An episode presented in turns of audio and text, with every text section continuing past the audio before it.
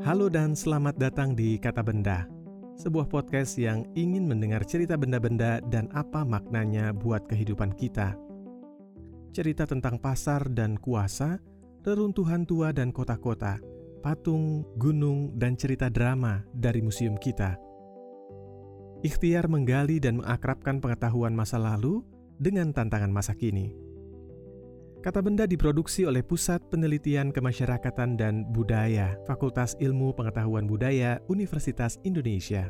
Didukung Pusat Penelitian dan Kebijakan Kementerian Pendidikan dan Kebudayaan Indonesia. Saya Hilman Handoni. Uh, saya membayangkan andai kata orang seperti kita, orang Australasia, uh, orang Melayu, uh. seandainya ditaruh oleh Tuhan di gurun pasir, mm -hmm. mungkin akan beda ceritanya. Atau uh, Kepulauan Nusantara ini terdiri dari pulau-pulau es. Ini mungkin akan menghasilkan kebudayaan yang berbeda. Mm -hmm. Mungkin kita akan mengenal belasan kata untuk jenis-jenis es. Seperti halnya kita saat ini mengenal kata padi, gabah, menir, beras, nasi untuk sebuah kata yang sama dalam bahasa Inggris yaitu rice. Hmm. Ini untuk menekankan betapa alam juga menentukan budaya dan bahasa kita. Betul. Nah, saya kali ini sudah bersama Prof. Agus Aris Munandar, Guru Besar Arkeologi Universitas Indonesia, pengarang banyak sekali buku dan paper yang membuat saya kewalahan untuk membaca dan meriset. Dia juga pengarang buku Kala Desa yang membahas sejarah awal Nusantara dari sisi arkeologi uh, sebuah buku yang mengajak kita berpetualang dan penuh dengan cerita-cerita yang membuat kita terkesima. Apalagi orang awam seperti saya. Nah, saya akan mengajak Anda menelusur sejarah Nusantara tapi lewat kesaksian bentang alamnya, fitur geografisnya. Apa sih yang mendefinisikan kita sebagai bangsa dan bagaimana laut, sungai, gunung, lembah yang ada di Nusantara mendefinisikan kita, budaya kita kita akan berbincang-bincang dengan Prof. Agus. Selamat pagi, Prof. Selamat pagi. Apa kabar, Prof. Agus? Alhamdulillah, pagi yang cerah. Biasanya kalau sore hujan, kalau pagi cerah.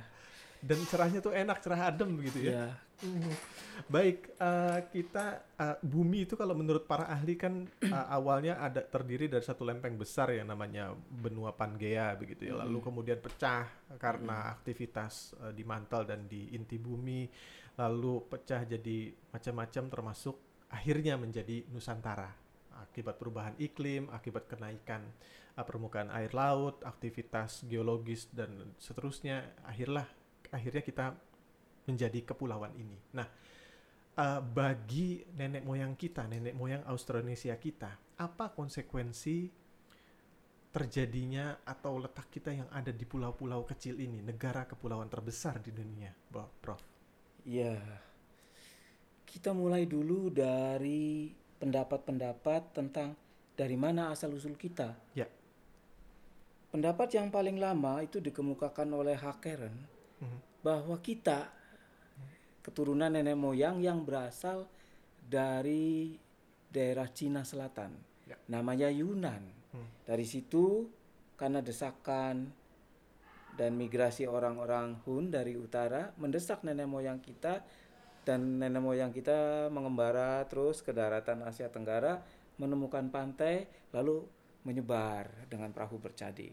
Hmm. Teorinya indah dan banyak peng pengikutnya penganutnya teorinya itu. indah nih ada hmm. maksudnya kayaknya ya karena hmm. saking indahnya itu jadi banyak orang percaya gitu okay. ya dan kebetulan uh, data masa itu ketika Karen mencetuskan teori hmm. masih terbatas hmm. datanya lalu muncullah teori kedua dari Peter Bellwood hmm. yang menyandarkan sepenuhnya pada data arkeologis hmm. dalam hal ini pecahan gerabah hmm Ditemukan oleh Bellwood, pecahan gerabah itu menyebar sejak Taiwan, Filipina, hmm. lalu Kalimantan, lalu masuk menyebar ke kepulauan kita dengan motif-motif gerabah yang sama dan di Asia Tenggara itu ada tradisi gabah sahun kalanai itu hmm. yang di Vietnam dan di Filipina. Hmm. Atas dasar itu Bellwood menyatakan ada uh, migrasi orang-orang Austronesia yang asal usulnya pasti dari Taiwan. Hmm. Makanya disebut teori out, of Taiwan. Hmm. Tapi kalau ditanya lagi apa asli Taiwan? Oh bukan, dia dari daratan Cina juga. Cuma dia menyebar ke timur. Hmm. Begitu. Hmm. Sampailah kemudian uh, teori ini diterima oleh kalangan arkeolog. Ada yang iya, ada yang tetap bertahan pada Karen dan tiba pada teori yang mengasihkan ini. Hmm. Ini teori yang ketiga ini oleh ahli-ahli kita sendiri, bukan orang-orang asing. Hmm. Dan sebenarnya sudah lama dicetuskan oleh hmm. Profesor Slamet Mulyana dalam studi asal usul bahasa Indonesia itu. Hmm. Kemudian diperkuat oleh Profesor Goris Keraf dalam pidato pengukuhan guru besarnya di Fakultas Sastra Universitas Indonesia. Kurang lebih intinya sama. Kalau kita ringkas itu, kita bukan dari mana-mana, tetapi kita pergi ke mana-mana.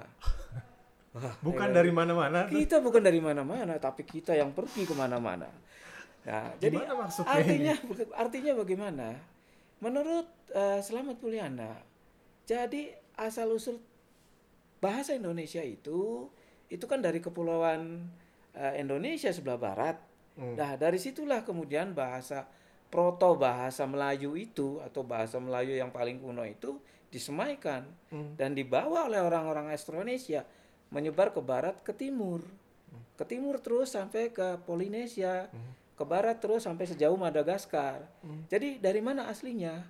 Nah, ditambah oleh Prof. Goris dikaitkan dengan kondisi alam di sekitar abad 11 sebelum Masehi ketika pencairan jam pencairan oh. es itu. Mhm, mhm. Jadi semula kan kita tahu para geolog menceritakan bahwa ada paparan Sunda dan paparan Sahul. Mhm. Nah, paparan Sunda itu di paparan Sunda itu entah di titik mana itulah hidup uh, nenek moyang kita hmm. yang paling awalnya Austronesia yang paling awalnya. Ketika air naik perlahan-lahan, mereka kemudian menepi, minggir, minggir. Hmm. Dan ada yang ke tepian barat Kalimantan Barat, hmm. ada yang ke tepian Indochina, hmm. ada yang kemudian ke daerah pegunungan tinggi yang menjelma menjadi pulau-pulau, hmm. Sumatera, Jawa, Jawa, Bangka, Belitung hmm. dan seterusnya. Bersamaan dengan itu, ada juga yang mengembara jauh ke Madagaskar, hmm. Sampai kemudian ke Pasca, hmm. Pulau Pasca di Pasifik, sampai ke Mikronesia hmm. dan sampai ke Tuvalu, ke ah macam-macam deh di sana Fiji dan seterusnya. Jadi itu yang disebut kita bukan dari mana-mana, kita itu dari Nusantara. Hmm. Ya nenek moyang kita dari sini aja. Ketika masih paparan Sunda masih terbentuk. Hmm. Pada waktu air permukaan air laut naik akibat mencairnya es, kita kemudian boleh pergi ke mana-mana. Jadi ada tiga teori tentang itu sebenarnya ada empat sih satu lagi Isodo, Isodoro Dayan itu hmm. tentang sebenarnya orang Austronesia dari timur hmm. dari kepulauan uh, Pasifik. Pasifik iya di di hmm. utaranya di utaranya Papua itu hmm. dari sana karena dia berdasarkan statistik leksikal ya. Hmm. Jadi di sana tuh bahasanya itu lebih lebih apa namanya lebih original gitu. Hmm. Akhirnya di, disimpulkan bahwa di sana titik pangkalnya baru hmm. menyebar. Hmm. Jadi tersilah mana yang hmm. akan kita pakai. Tetapi kalau saya lebih suka yang teori ketiga. Hmm. Gitu.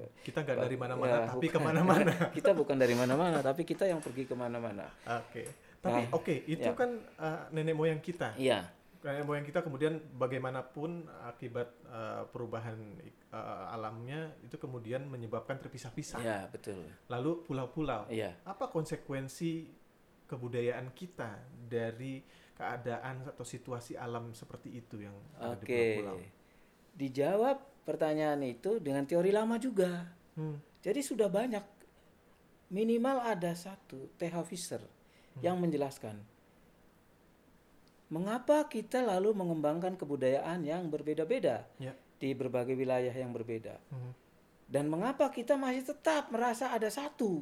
Hmm. Walaupun berbeda-beda, pada dasarnya ada satu rasa yang entah jauh di lubuk hati itu kita tetap satu. Terkoneksi begitu. Iya. Ya? Hmm. Jadi ada semacam getaran magnet gitu ya hmm. antara suku-suku itu bahwa kita tuh satu. Hmm. Nah, menurut Fisher asal usulnya itu kita itu berasal dari satu kebudayaan yang besar yang sama. Hmm. Namanya kebudayaan sebut Austronesia. Di dalam lingkup kebudayaan Austronesia itu sudah ada calon suku bangsa-suku bangsa. Hmm. Karena tinggal di balik lembah, tinggal di dalam hmm. lembah, tinggal di dekat lereng gunung, hmm. padahal satu kebudayaan yang besar. Hmm. Akibatnya di sana sudah ada calon suku bangsa. Benih-benihnya sudah Benih-benihnya sudah ada. Ketika dia kemudian menyebar, hmm naik perahu dan perahu bercadik itu mencapai pulau-pulau, lalu kemudian jarang berkomunikasi. Hmm. Sampai berabad-abad lamanya hmm. komunikasi intensif itu bisa terjadi dalam perkiraan para ahli itu ketika Islamisasi masuk Nusantara hmm. atau ketika Majapahit lah hmm. ya mulai lagi rame itu abad 14 15. 15 ya itu mulai rame ada komunikasi intensif dan komunikasi semakin intensif merasa kita sebagai eh, suku-suku bangsa yang tinggal di kepulauan yang sama itu sumpah pemuda hmm. nah, jadi belakangan ya, lagi belakangan gitu. lagi jadi komunikasi yang jarang hmm. nah yang ketiga ini yang kita sedang bincangkan faktor lingkungan hidup hmm. walaupun kita asalnya sama dari kebudayaan yang sama. Tetapi kita tinggal di lingkungan hidup yang berbeda. Ada yang di muara sungai, ya. ada yang di pedalaman di lereng gunung, hmm. ada yang di pulau terpisah, tidak hmm. ada hubungan dengan dunia luar, hmm. ada yang di daerah rawa-rawa. Nah, lingkungan hidup itulah yang membentuk kebudayaan Austronesia tempatan itu. Hmm. Sehingga akhirnya orang Sunda saja beda antara Sunda Priangan dan Sunda Kuningan Majalengka. Hmm. Karena ada interaksi dengan pantai, hmm. Pamanukan, Karawang itu pasti Sunda pantai, dinamik, hmm. Terbuka hmm. dan lugas gitu. Tapi kalau Sunda pedalaman ya lain lagi, lebih hmm. konservatif. Begitu setiapnya. Hmm. Jadi kita harus percaya bahwa lingkungan hidup itu dan faktor geografi, tempat tinggal manusia mengembangkan kebudayaan itu bercampur hmm, dalam membentuk kebudayaan. Jadi ada tiga hal itu. Mengapa kita berbeda-beda? Hmm, Oke. Okay. Nah, saya juga menarik bahwa kita kan senantiasa mengasosiasikan paling tidak dari tinggalan budaya yang kita kita ini sekarang bahwa misalkan di uh, apa di lukisan-lukisan di goa ada perahu bercadik, Borobudur ada bercadik, ada uh, nenek moyangku orang pelaut gitu ya. Seakan-akan ada satu satu budaya yang sangat dominan yaitu budaya maritim dan itu adalah imbas dari bentuk kepulauan kita apakah jadi tapi yang Prof sebutkan tadi yang nggak tunggal juga gitu ya bagaimana Prof? Iya uh, kita berbicara tentang lukisan-lukisan gua dengan lukisan perahu-perahu hmm. ada yang yang digambarkan bercadik juga ada yang tanpa cadik hmm. para ahli prasejarah terutama yang menafsir makna itu sebenarnya itu bukan menggambarkan perahu realia, hmm. bukan perahu yang dilayari, tetapi perahu arwah. Oh, Oke. Okay. Jadi ketika seseorang meninggal, dia itu seakan-akan menaiki perahu menuju ke alam, alam arwah, lain. ya arwah arwah. Tetapi pasti itu adalah representasi dari uh, benda sebenarnya. Bagaimana dia bisa menggambarkan perahu arwah yeah. kalau belum melihat perahu sebenarnya? Betul. Jadi nenek moyang itu pasti akan melakukan hubungan hmm. antar pulau, hmm. bahkan antar antar tempat di satu pulau dengan apa lagi kalau bukan dengan perahu. Hmm. Dan perahu bercadik itu eh, khas Austronesia. Hmm. Kalau kita mengikut pendapatnya J.L.A. Brandes itu ada 10 pendapat Brandes itu satu butirnya mengenal navigasi dan dikaitkan mengenal astronomi itu dengan perahu-perahu bercadik laporan-laporan uh, sejarawan Yunani hmm. yeah. itu menyatakan bahwa banyak perahu bercadik di pantai timur India hmm. di awal tarikh Masehi itu. Hmm. Bahkan juga perahu-perahu bercadik itu diprediksi berasal dari Asia Tenggara. Nah, hmm. itu mungkin juga berkaitan dengan nenek moyang kita yang menyebar ke pantai timur. Hmm. ke pantai timur India. Lalu apa apa hubungannya dengan Austronesia di Indonesia? Austronesia di Indonesia sebelum mengenal perahu-perahu besar, mereka melayarinya dengan perahu-perahu bercadik hmm. antar uh, pulau, Benar. antar memotong selat hmm. atau berkunjung ke berbagai dusun hmm. di berbagai pulau yang terpisah dengan perahu bercadik. Dan perahu bercadik itu berlayar lebih stabil di permukaan laut dipergunakan menyusur dari tepi pantai ke tepi pantai. Hmm. Jadi tidak melawan laut lepas hmm. Hmm. seperti Samudra Pasifik atau Samudra hmm. India itu pastinya memakai kap perahu layar perahu besar Hmm. walaupun tetap bercadik. Hmm. Benar sekali ada penggambaran eh, kapal-kapal uh, layar besar yeah. bercadik di Borobudur. Hmm. Artinya itu yang yang yang biasa digunakan hmm. oleh para musafir dan pedagang India ke hmm. Jawa atau bolak-balik gitu ya. Hmm. Jadi perahu bercadik tentu merupakan alat transportasi penting pada masa itu, hmm. pada masa itu. Hmm.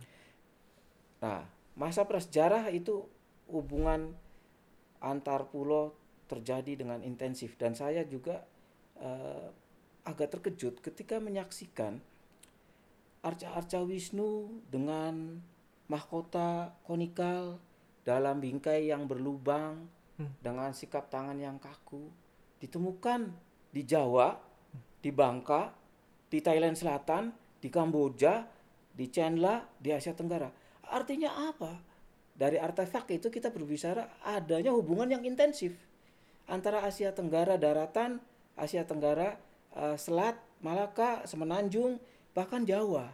Hmm. Itu perhitungan di awal tarikh Masehi sampai abad 4 Masehi. Hmm. Jadi kita tidak tidak bisa menafikan bahwa ketika nenek moyang kita sudah mengisi pulau-pulau tak ada hubungan lagi gitu. Tapi ada rupanya hubungan hmm. itu. Dan dan kalau kita mengikut cerita Parahyangan, Raja Sanjaya yang kemudian melebarkan pengaruh kekuasaan ke seluruh Jawa, hmm. bahkan sampai dia menyerang Khmer, hmm. menyerang Cina, menyerang Melayu itu bukan suatu isapan jempol rupanya. Jadi uh, hubungan itu semakin gencar hmm. terjadi seiring dengan masuknya ke periode sejarah. Tetapi hmm. ada satu yang menyebabkan, lalu kemudian kita digiring untuk lebih mencintai daratan. Nanti nanti. nanti Oke, nanti, nanti sabar. dulu sabar. Itu Pak Prof Agus sudah sedikit menyebut soal uh, tradisi agama-agama yeah. di India. Kita beralih ke fitur kedua uh, obrolan kita atau alam Nusantara yaitu gunung.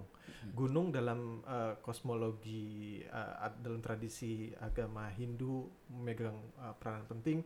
Bahkan di Jawa juga konon menurut mitologi Jawa Gunung Mahameru yang menjadi hmm. pusat semesta itu hmm. dipindahkan dan akhirnya tercecer dan membentuklah kemudian uh, deretan pegunungan itu dan gunung ini sampai sekarang uh, jadi sangat penting membuka dan menutup setiap lakon wayang jadi ini, memang uh, posisi yang luar biasa penting selain tentu saja ada kontribusi misalkan saja uh, unsur hara yang sangat dibutuhkan oleh petani. Tapi uh, bagaimana kita meneropong sejarah Nusantara di masa Indianisasi dalam tanda kutip itu uh, lewat pegunungan ini, lewat posisi gunung, Prof.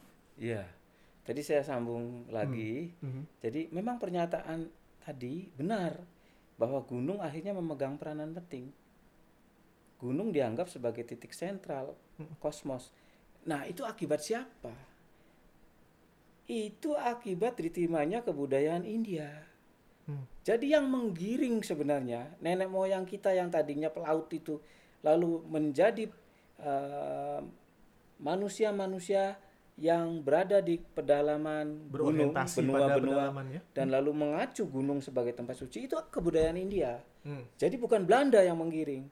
Hmm. Kalau dulu kan kita bicara bahwa karena kapal-kapal Belanda besar yeah. lalu lalang ada berapa pelajaran kora-kora hmm. dan sebagainya di Maluku hmm. ya itu memang benar di sana ada tetapi orang Jawa itu atas kesadarannya sendiri sebenarnya Jawa Bali Sumatera lari ke gunung akibat apa akibat diterimanya kebudayaan India loh kok begitu okay. iya karena dalam kebudayaan India diajarkan konsep makrokosmos dan mikrokosmos hmm. konsep makrokosmos itu begini alam semesta itu pipih seperti dish seperti piringan flat begitu flat ya. saja rata.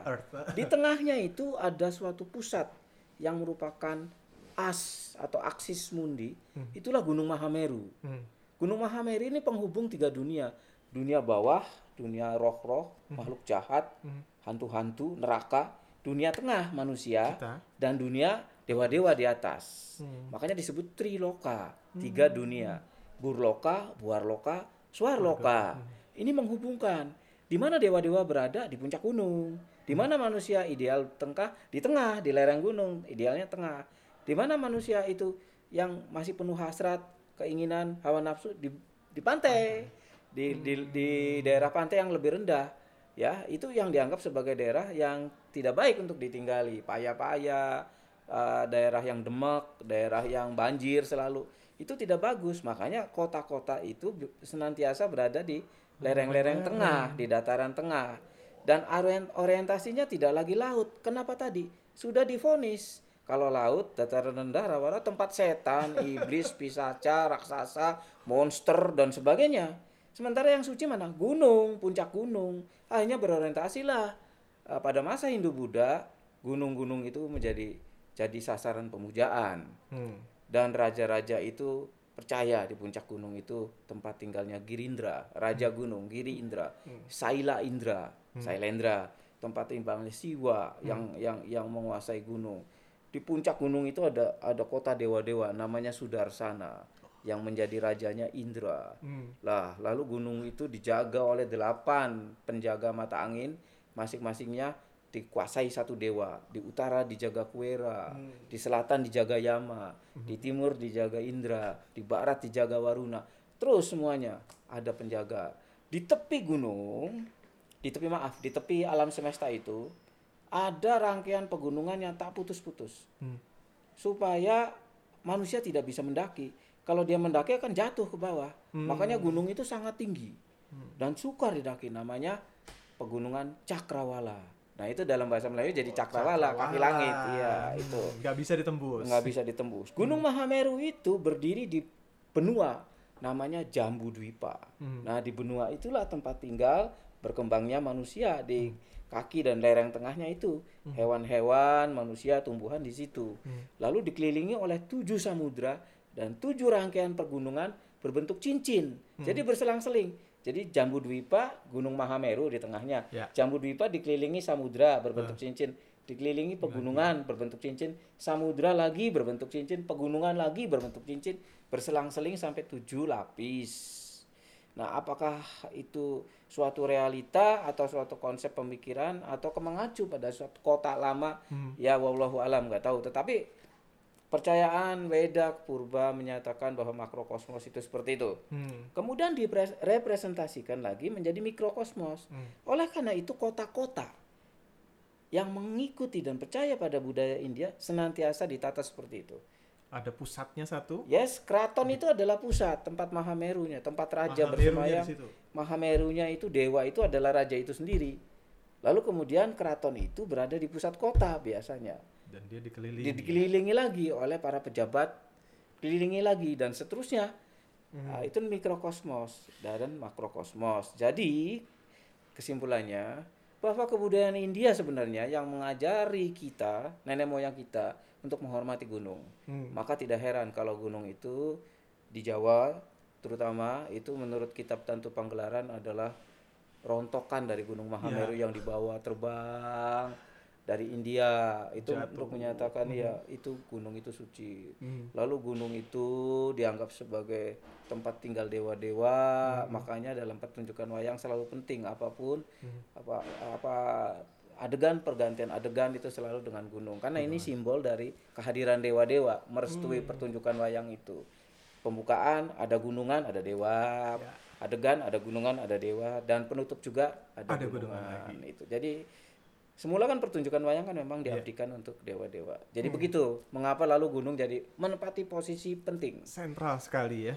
Selain tentu saja ada fungsi biolo uh, fungsi ekologis ya, ya yang yang, yeah. yang uh, tidak bisa dimungkiri. Yeah. Saya jadi teringat ada riset uh, seorang ahli tanah bahwa gunung-gunung itu gunung-gunung uh, bahkan gunung-gunung di Sumatera dengan di Jawa itu ternyata berbeda. Hmm. Tak kadar uh, komposisi kesuburan iya. tanah yeah. di Jawa jauh lebih besar ketimbang di Sumatera. Mm. Jadi oh begini rupanya ya. Ada mm. ya kita tentu saja uh, apa nenek moyang kita mengkonstruksi itu dengan dengan cerita-cerita, cerita dan mitos. Mitos. Tapi yeah, di bawah itu sebenarnya ada yang bisa yeah. kita di... ambil.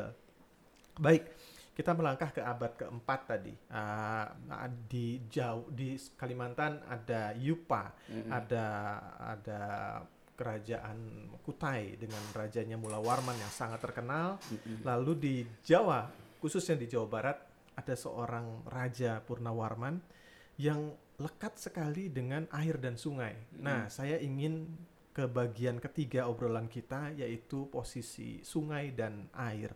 Raja Purnawarman mm. di Prasasti Tugu melakukan rekayasa yang juga cukup kompleks sebenarnya, um, membuat uh, kanal. Lalu banyak sekali Eh, prasasti-prasasti yang yang berasal dari uh, masanya itu ada di tepian bahkan di badan sungai begitu. Apa makna penting sungai dan air buat kerajaan di Jawa Barat ini sekaligus kita meneropong lebih jauh ke Nusantara, Prof? Iya. Jadi gampangnya itu uh, pelaut-pelaut dari Cina ataupun dari India di awal tarikh Masehi itu berlayar. Hmm. Mereka akan mendatangi kampung-kampung atau bandar-bandar. Hmm. Tentu bandar-bandar itu yang ramai, sungai-sungai yang di sungai-sungai yang dihuni oleh komunitas-komunitas nelayan pada awalnya. Dan mereka akan mampir ke perkampungan-perkampungan itu yang ada kebetulan adanya di tepi-tepi sungai. Mengapa di tepi sungai? Sungai adalah peralihan sebenarnya antara air tawar dan air, air. laut. Sungai adalah juga muaranya adalah jalan masuk ke pedalaman. Hmm. Jadi sungai memegang memegang peran penting sebagai urat nadi ekonomi juga hmm. sebagai jalur jalan hmm. untuk masuk ke pedalaman. Jadi kalau pelaut-pelaut dari India datang dan menyusuri Sungai Mahakam, dia akan masuk ke pedalaman sampai jauh ke pedalaman. Jika menyusuri Sungai Musi, dia akan jauh masuk ke pedalaman, menemukan komunitas-komunitas lokal yang kemudian menjadi Hindu atau menjadi Buddha. Masuk ke Sungai Batanghari, dia dia akan menemukan komunitas di sana dan cocok tempatnya, dibikinlah uh, asrama besar Muaro Jambi. Muaro Jambi. Masuk ke Sungai Kampar Kanan, Didirikanlah Muaro Takus, hmm. masuk ke Sungai Merbok, didirikanlah Lembah Bujang di Semenanjung Malaysia di Kedah. Hmm. Jadi sungai itu adalah selain tempat-tempat itu tumbuh permukiman-permukiman karena di situ memang uh, tempat lalu lalang nelayan yang ngambil ikan pulang ke kampungnya kampungnya di tepi sungai mengapa di tepi sungai karena orang-orang dari dalam itu orang dari udik itu mm-hmm. akan mudah ke hilir mm. dan akan terjadi barter itu yeah. yang yang dari nelayan-nelayan hilir bawa ikan masuk ke pedalaman lalu orang pedalaman membawa buah-buahan duren tuker-tukeran mm. gitu mm. lewat itu lewat sungai jadi sungai memegang peranan-peranan akibat lagi di tepi-tepi sungai yang diamati akan tumbuh situs-situs keagamaan mm kita mulai dari Sungai Merbok itu ada candi-candi lembah bujang di hmm. abad kedua mereka sudah mengenal teknik pengecoran logam. Hmm. Jadi pengecoran logam itu dikembangkan di sana rupanya lalu dibawa uh, apa namanya hasil-hasilnya masuk ke Sumatera. Lalu berkembanglah di sungai apa tuh Kampar Kanan ada situs Buddha. Hmm. Situs Budanya di pedalaman. Hmm. Jadi bagaimana dia sampai ke pedalaman kalau tidak mungkin lewat sungai. Hmm. Dan itu di tepi sungai. Yang paling hebat kan bat Batanghari itu. Yeah. Muaro Jambinya di tepi sungai. Hmm. Jadi sungai, agama dan permukiman dan urat nadi ekonomi itu selalu selalu berkaitan. Nah, hmm. kalau kita lihat dari laut, andai kata kita berlayar di tengah laut dan kita akan mampir ke suatu bandar di tepi sungai. Hmm. Apa yang menjadi patokan? Yang menjadi patokan adalah suatu fenomena geografis yang paling mudah dilihat dari laut lepas. Apa fenomena geografis itu? Adalah tempat yang tinggi, hmm. adalah gunung. Ya. Jadi ketika pelaut-pelaut dari Laut Cina Selatan, dari Selat Malaka akan mampir ke Jawa, dia akan melihat Gunung Salak. Itu patokan. Hmm. Maka menujulah ke arah Gunung Salak. Di tepi pantainya itulah kerajaan Taruma Nagara berdiri. Karena sebagai backgroundnya adalah Gunung, Gunung Salak. Hmm. Dari laut bisa lihat Gunung Salak. Maju lagi dia. Eh dia bisa melihat pegunungan di pedalaman Tangkuban Parahu. Hmm. Mampirlah dia Sungai Citarum. Hmm. Ada situs Batu Jaya. Ya. Terus lagi maju ke sana ke timur ada Gunung Ciremai. Lalu Cirebon, Indramayu, Cimano, mampir ya. lagi maju lagi. Eh ada Gunung Muria Gunung Muria waktu itu masih terpisah dari Jawa. Ya, itu jadi ya. patokan. Ya. Hmm. Ditujulah Gunung Muria, berdirilah kerajaan yang namanya Holing. Hmm. Nah, dalam buku saya dia bilang Haling dari iya. kata ya. terhalang gunung. Terhalang. Ya, hmm. itu jadi gunung dari laut dan sungai itu selalu berkaitan. Jadi patokan dari sungai. Mengapa kan Juruhan lalu berdiri di Jawa Timur? Karena pelaut-pelaut dari lepas pantai Gresik itu akan melihat pegunungan di dalam, pegunungan di dalam apa yang tinggi Arjuno, Penanggungan, dan deretan Gunung Kelut pasti akan mendarat di situ. Hmm. Kebetulan di situ ada sungai masuk sungai besar nggak? Nah kalau nggak ada sungai besar di tepi pantai. Tapi kalau ada sungai besar seperti Cimanuk, Citarum, Ciliwung gitu bisa disusuri masuk ke dalam. Hmm. Maka tidak mengherankan apabila Kutai Kuno berada di pedalaman Kalimantan Timur. Hmm. Cukup jauh itu situs-situ. Dari, dari Balikpapan. Itu ya? Ih, jauh. Ratusan kilo saya naik naik kendaraan roda empat itu. Dan sungai lewat sungai apa Mahakam ya? Sungai hmm. Mahakam atau sungai apa besar itu ke sana. Sungainya memang besar bisa dilayari. Kalau saja dia itu si si si penganjur Weda atau penganjur Buddha itu hanya berpegangan kepada banyaknya orang-orang yang masuk Hindu dan Buddha, mereka akan mencari permukiman di tepi pantai. Ya. Tapi ada satu yang dicari, gunung. Jadi bisa dia, hidup. Iya, jadi dia walaupun gunung di pedalaman dia akan terus cari, cari, itu. cari ke pedalaman sampai berada benar-benar di kaki gunung itulah tempat ideal. Barulah dia ya, stop di situ, ya, stop dia di situ. pilih ini ideal di sana gunung Bukit Barisan di sana hmm. uh, Selat Malaka kita di tengah-tengah middle hmm. Bur Buar Suar ya. Suarnya Bukit Barisan Buarnya Muara Takus Muara hmm. Jambi dan polanya itu sudah bisa ketebak ya Prof jadi ya iya, memang ya iya memang begitu, begitu. kita memahami kosmosnya iya, kosmologinya langsung kita misalnya ke Bali ya. pasti dari laut Gunung Agung hmm. mampir dia pasti ke pantai Bali Utara Singaraja ya Hmm. Ada kali bukbuk tuh, ada situs kali bukbuk karena hmm. di baliknya itu Gunung Agung. Hmm. Hmm. Nah, itu jadi titik-titik awal itu pasti sungai, gunung yeah. dan pemukiman. Yeah. Nggak mungkin para pelaut India atau Cina, musafir pedagang itu mampir di hutan yang nggak ada orang mau barter bagaimana gitu. Oke, okay, Prof, kita beralih ke bagian keempat. Ini tanpa bermaksud mengecilkan uh, fungsi atau posisi pulau-pulau lain uh, dan di kawasan timur Nusantara, tapi ada dua kerajaan penting di uh, Jawa dan Sumatera. Jawa yang kemudian lebih bersifat agraris, katanya, lalu uh, Sriwijaya yang bercorak maritim, begitu ya.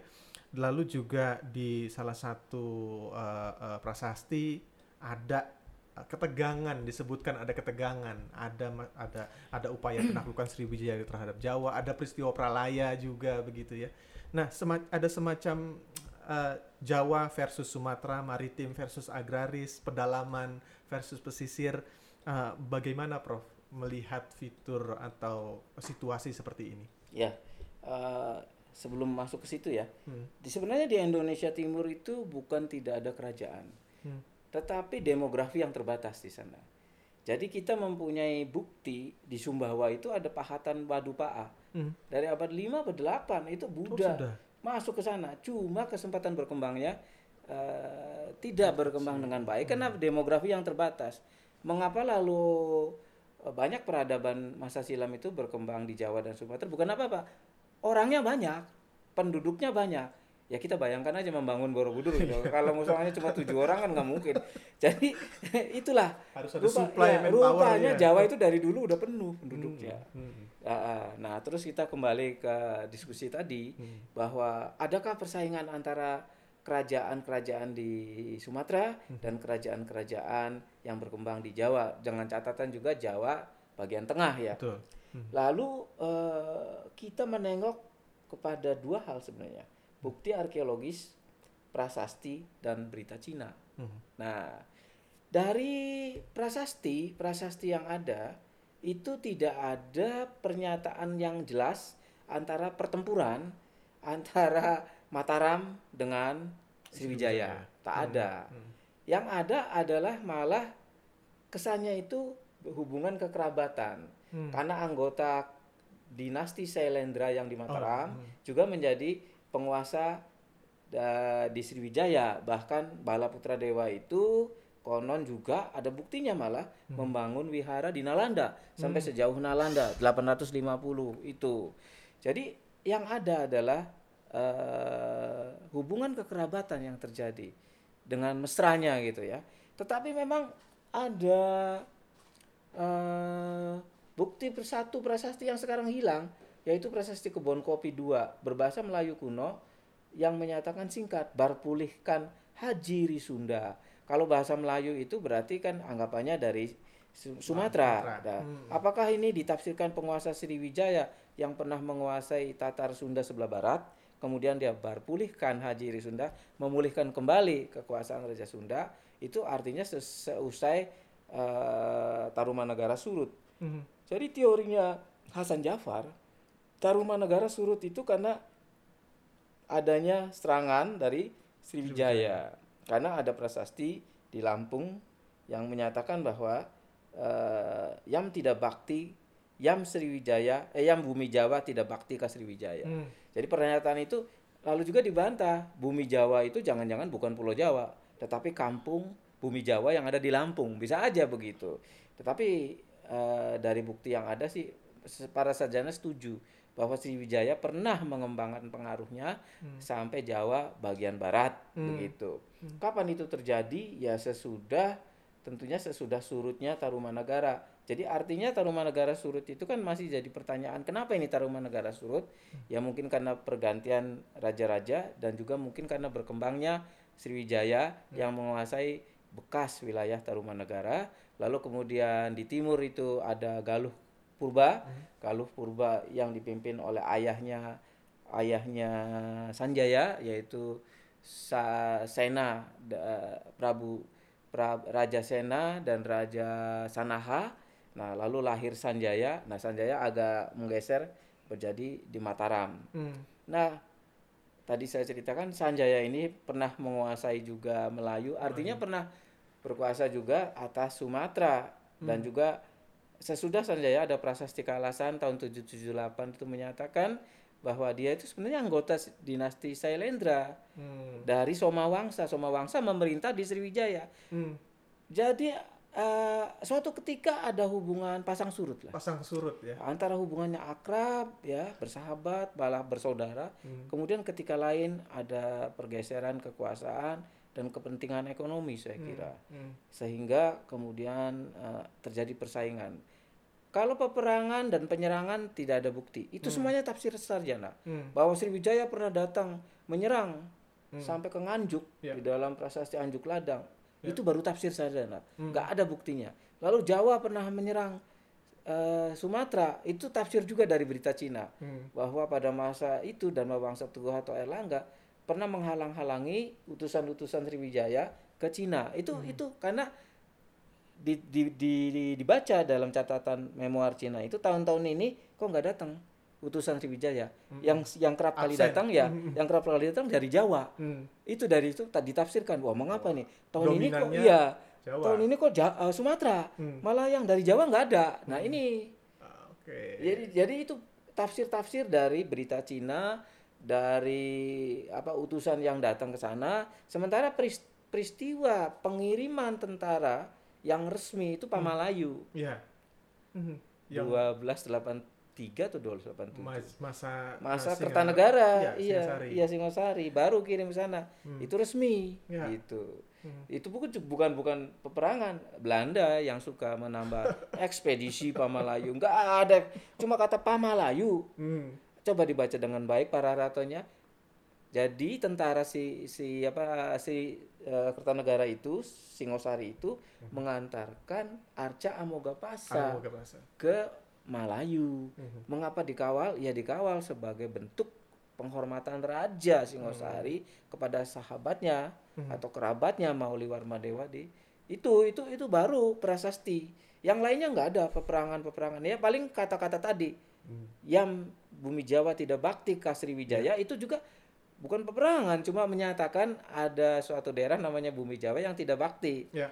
Tidak ya. tidak tidak menurut kepada Sriwijaya. Nah, peristiwa Singasari memberikan selain tadi kita sudah mengklirkan bahwa sebenarnya nggak ada itu, tapi bisa ditafsirkan nggak sih Prof ah, bahwa uh, ini terjadi aliansi antara Jawa dan Sumatera untuk menghadapi nah, Cina. Iya, iya, iya, betul itu, betul. Hmm. Bukan ditafsirkan lagi. Memang buat apa uh, Kertanegara susah payah ya. membuat uh, Amoga Pasha Bairawa lalu dikirimkan ke sana kalau bukan untuk membina persahabatan.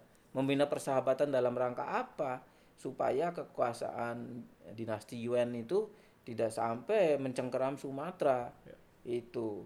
Dan kita mundur ke belakang sebelumnya mengapa di mengapa kemudian uh, Kublai Khan marah besar karena utusan yang ketiganya jadi udah tiga kali itu si Mengci itu uh -huh.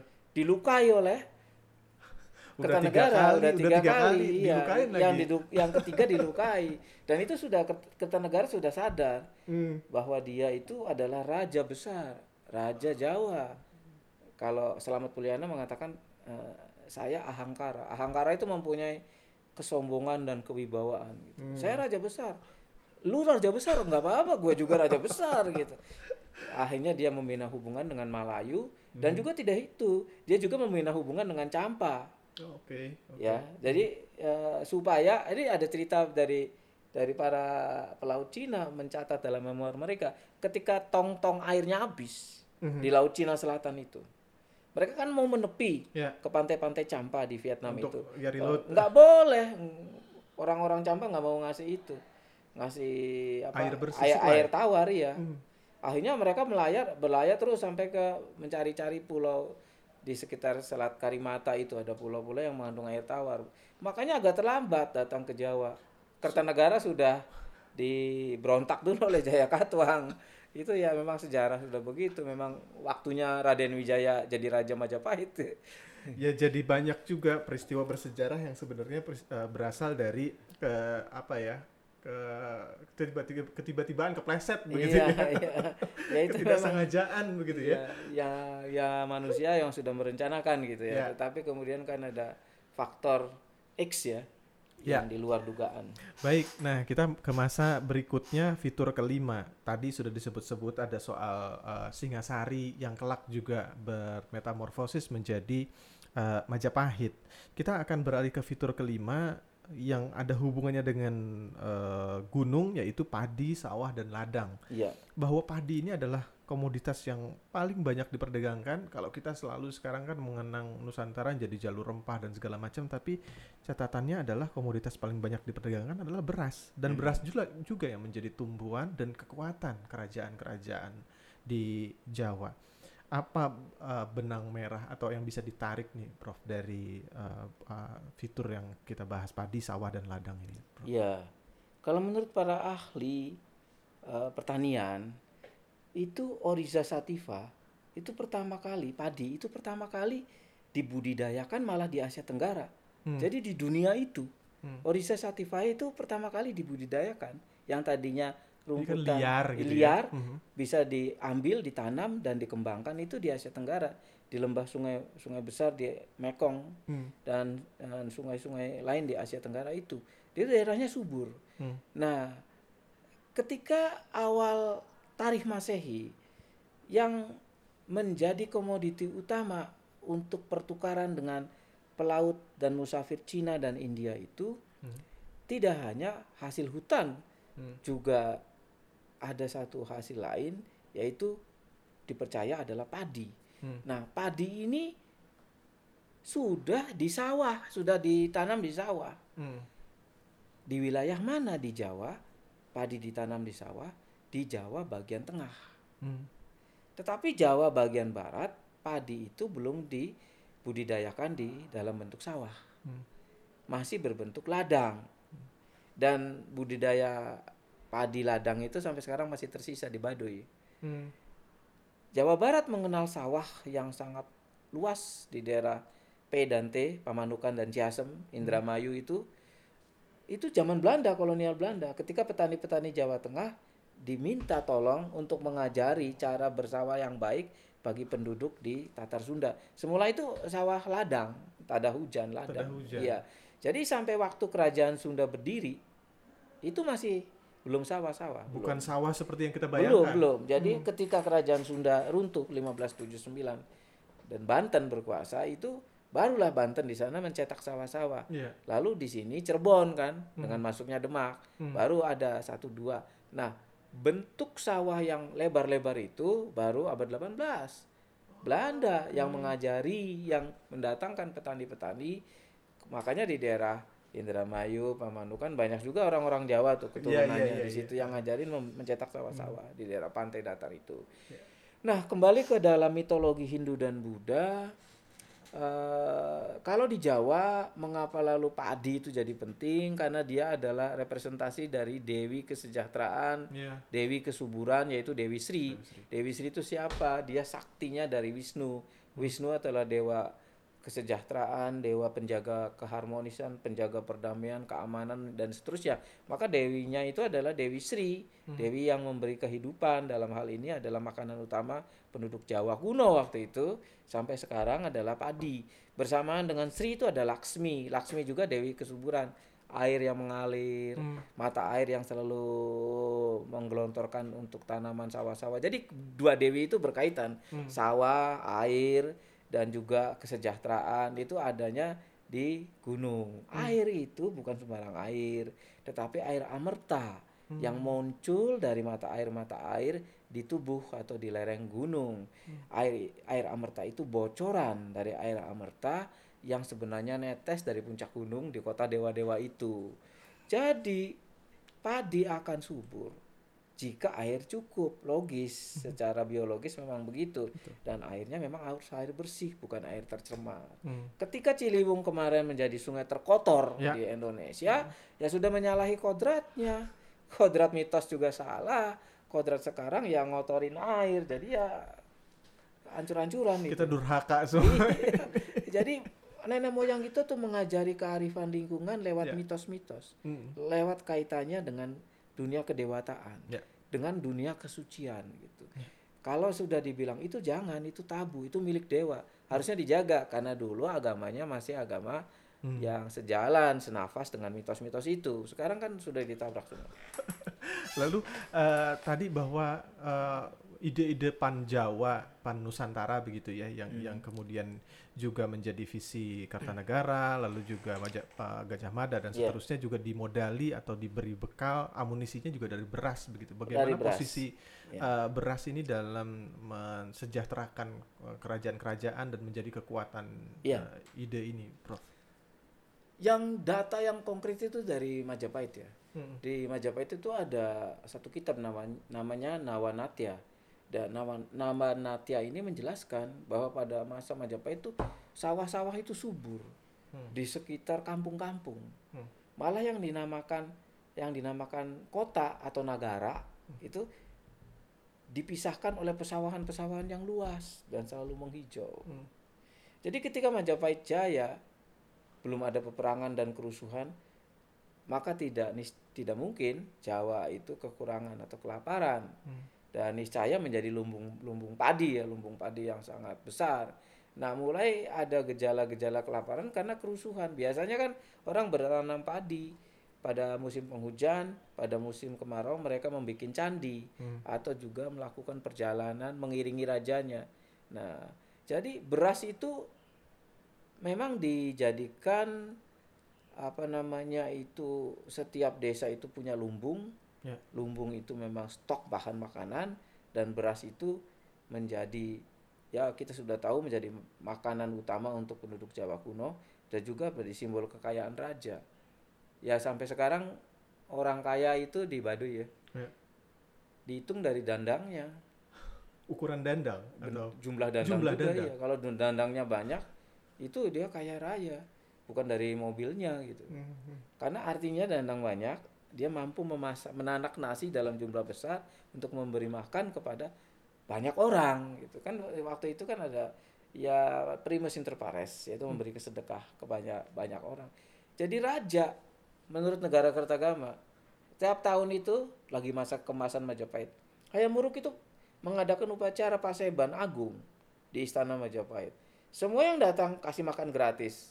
Nah di Hayam Wuruk berarti di stok istana Majapahit itu apa namanya berasnya, berasnya banyak banget lumbungnya banyak sekali hmm. dan itu memang uh, sumbangan-sumbangan walaupun dia rajin melepaskan tanah-tanah sebagai sima tetapi sumber-sumber kekayaan Majapahit itu cukup besar hmm. dan itu berlangsung kalau kita hitung aja 15 eh 1351 yeah. Ayam Uruk naik tahta 1389 dia wafat selama sekian tahun lah itu kejayaan Majapahit berada di puncak kemegahannya. Hmm. Jadi konsep tentang kesat, kesatuan Nusantara itu diperoleh ya oleh kemegahan itu sendiri.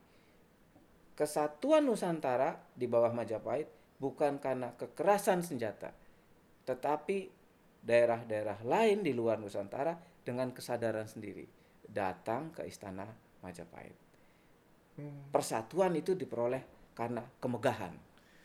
Dibina dulu kemegahannya, hmm. maka negara-negara lain akan mengagumi dan akhirnya ingin Inilah bersatu. Itu, ya. Iya, bukan karena kekuatan senjata salah. Kalau sekarang kekuatan senjata nakut-nakuti orang enggak, Majapahit enggak. Dia pupuk dulu kekuasaan, dia pupuk dulu kemegahan, dia bikin candi yang banyak, dia hmm. bikin sawah yang lebar-lebar, dia bikin ekonomi ramai di pantai. Surabaya, Gresik, Sedayu, banyak sekali tongkang-tongkang jung Cina keluar dan kemegahan itu terdengar sampai ke Asia Tenggara, terdengar sampai India, terdengar sampai Cina.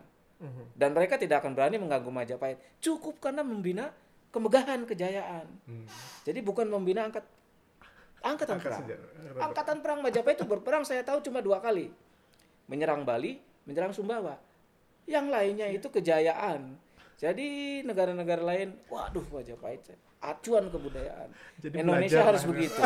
Indonesia harus membina kemegahan dan kejayaan. Tadi gitu. sudah disebut-sebut ini fitur terakhir bahwa uh, kabar Majapahit itu terdengar sampai luar dan kemudian uh, mendatangkan kekaguman dan hmm. ini membawa kita pada uh, bagian terakhir fitur obrolan kita. Uh, kita berada di garis khatulistiwa. Kita punya angin monsun yang menyebabkan pelayaran antar benua itu sungguh luar biasa ramai begitu ya pedagang-pedagang Arab dan akhirnya pedagang Eropa datang ke sini dan muncullah kolonialisme dan kemunduran. Uh, apa atau catatan Prof mengenai posisi kita di garis khatulistiwa, angin monsun, lalu juga musim yang cuma ada dua yang akhirnya membangkitkan kesejah apa kesuburan tanah dan uh, segala macam uh, flora dan fauna dan juga perdagangan yang akhirnya melahirkan uh, kolonialisme. Iya. Uh,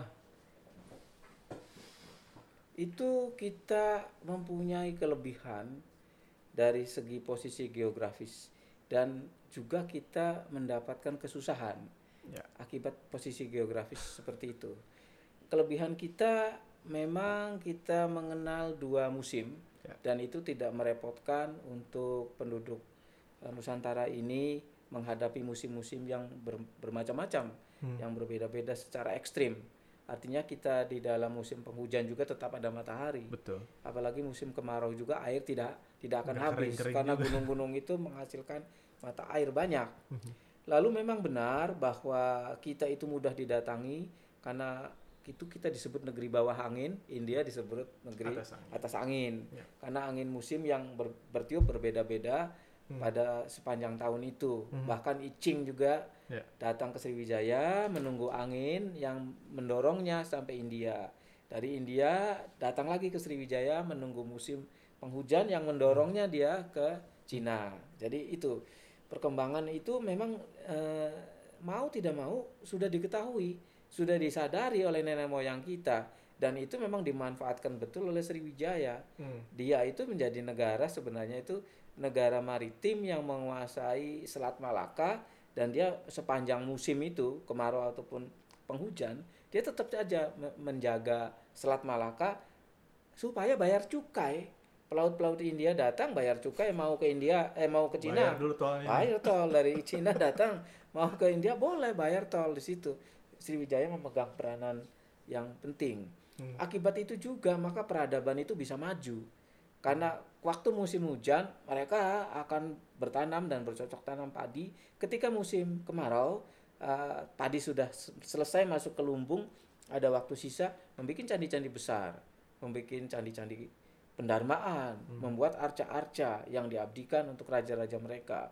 Jadi peradaban itu sangat bergantung kepada tadi pada pada lingkungan geografis dan juga pada cuaca dan juga pada musim. Hmm. Nah, su masa susahnya juga ada. Ketika musim penghujan, sejak zaman Erlangga itu disebutkan ada bendungan Weringin Sapta. Ketika bendungannya jebol, banjirlah Banjir. disebut dalam prasasti.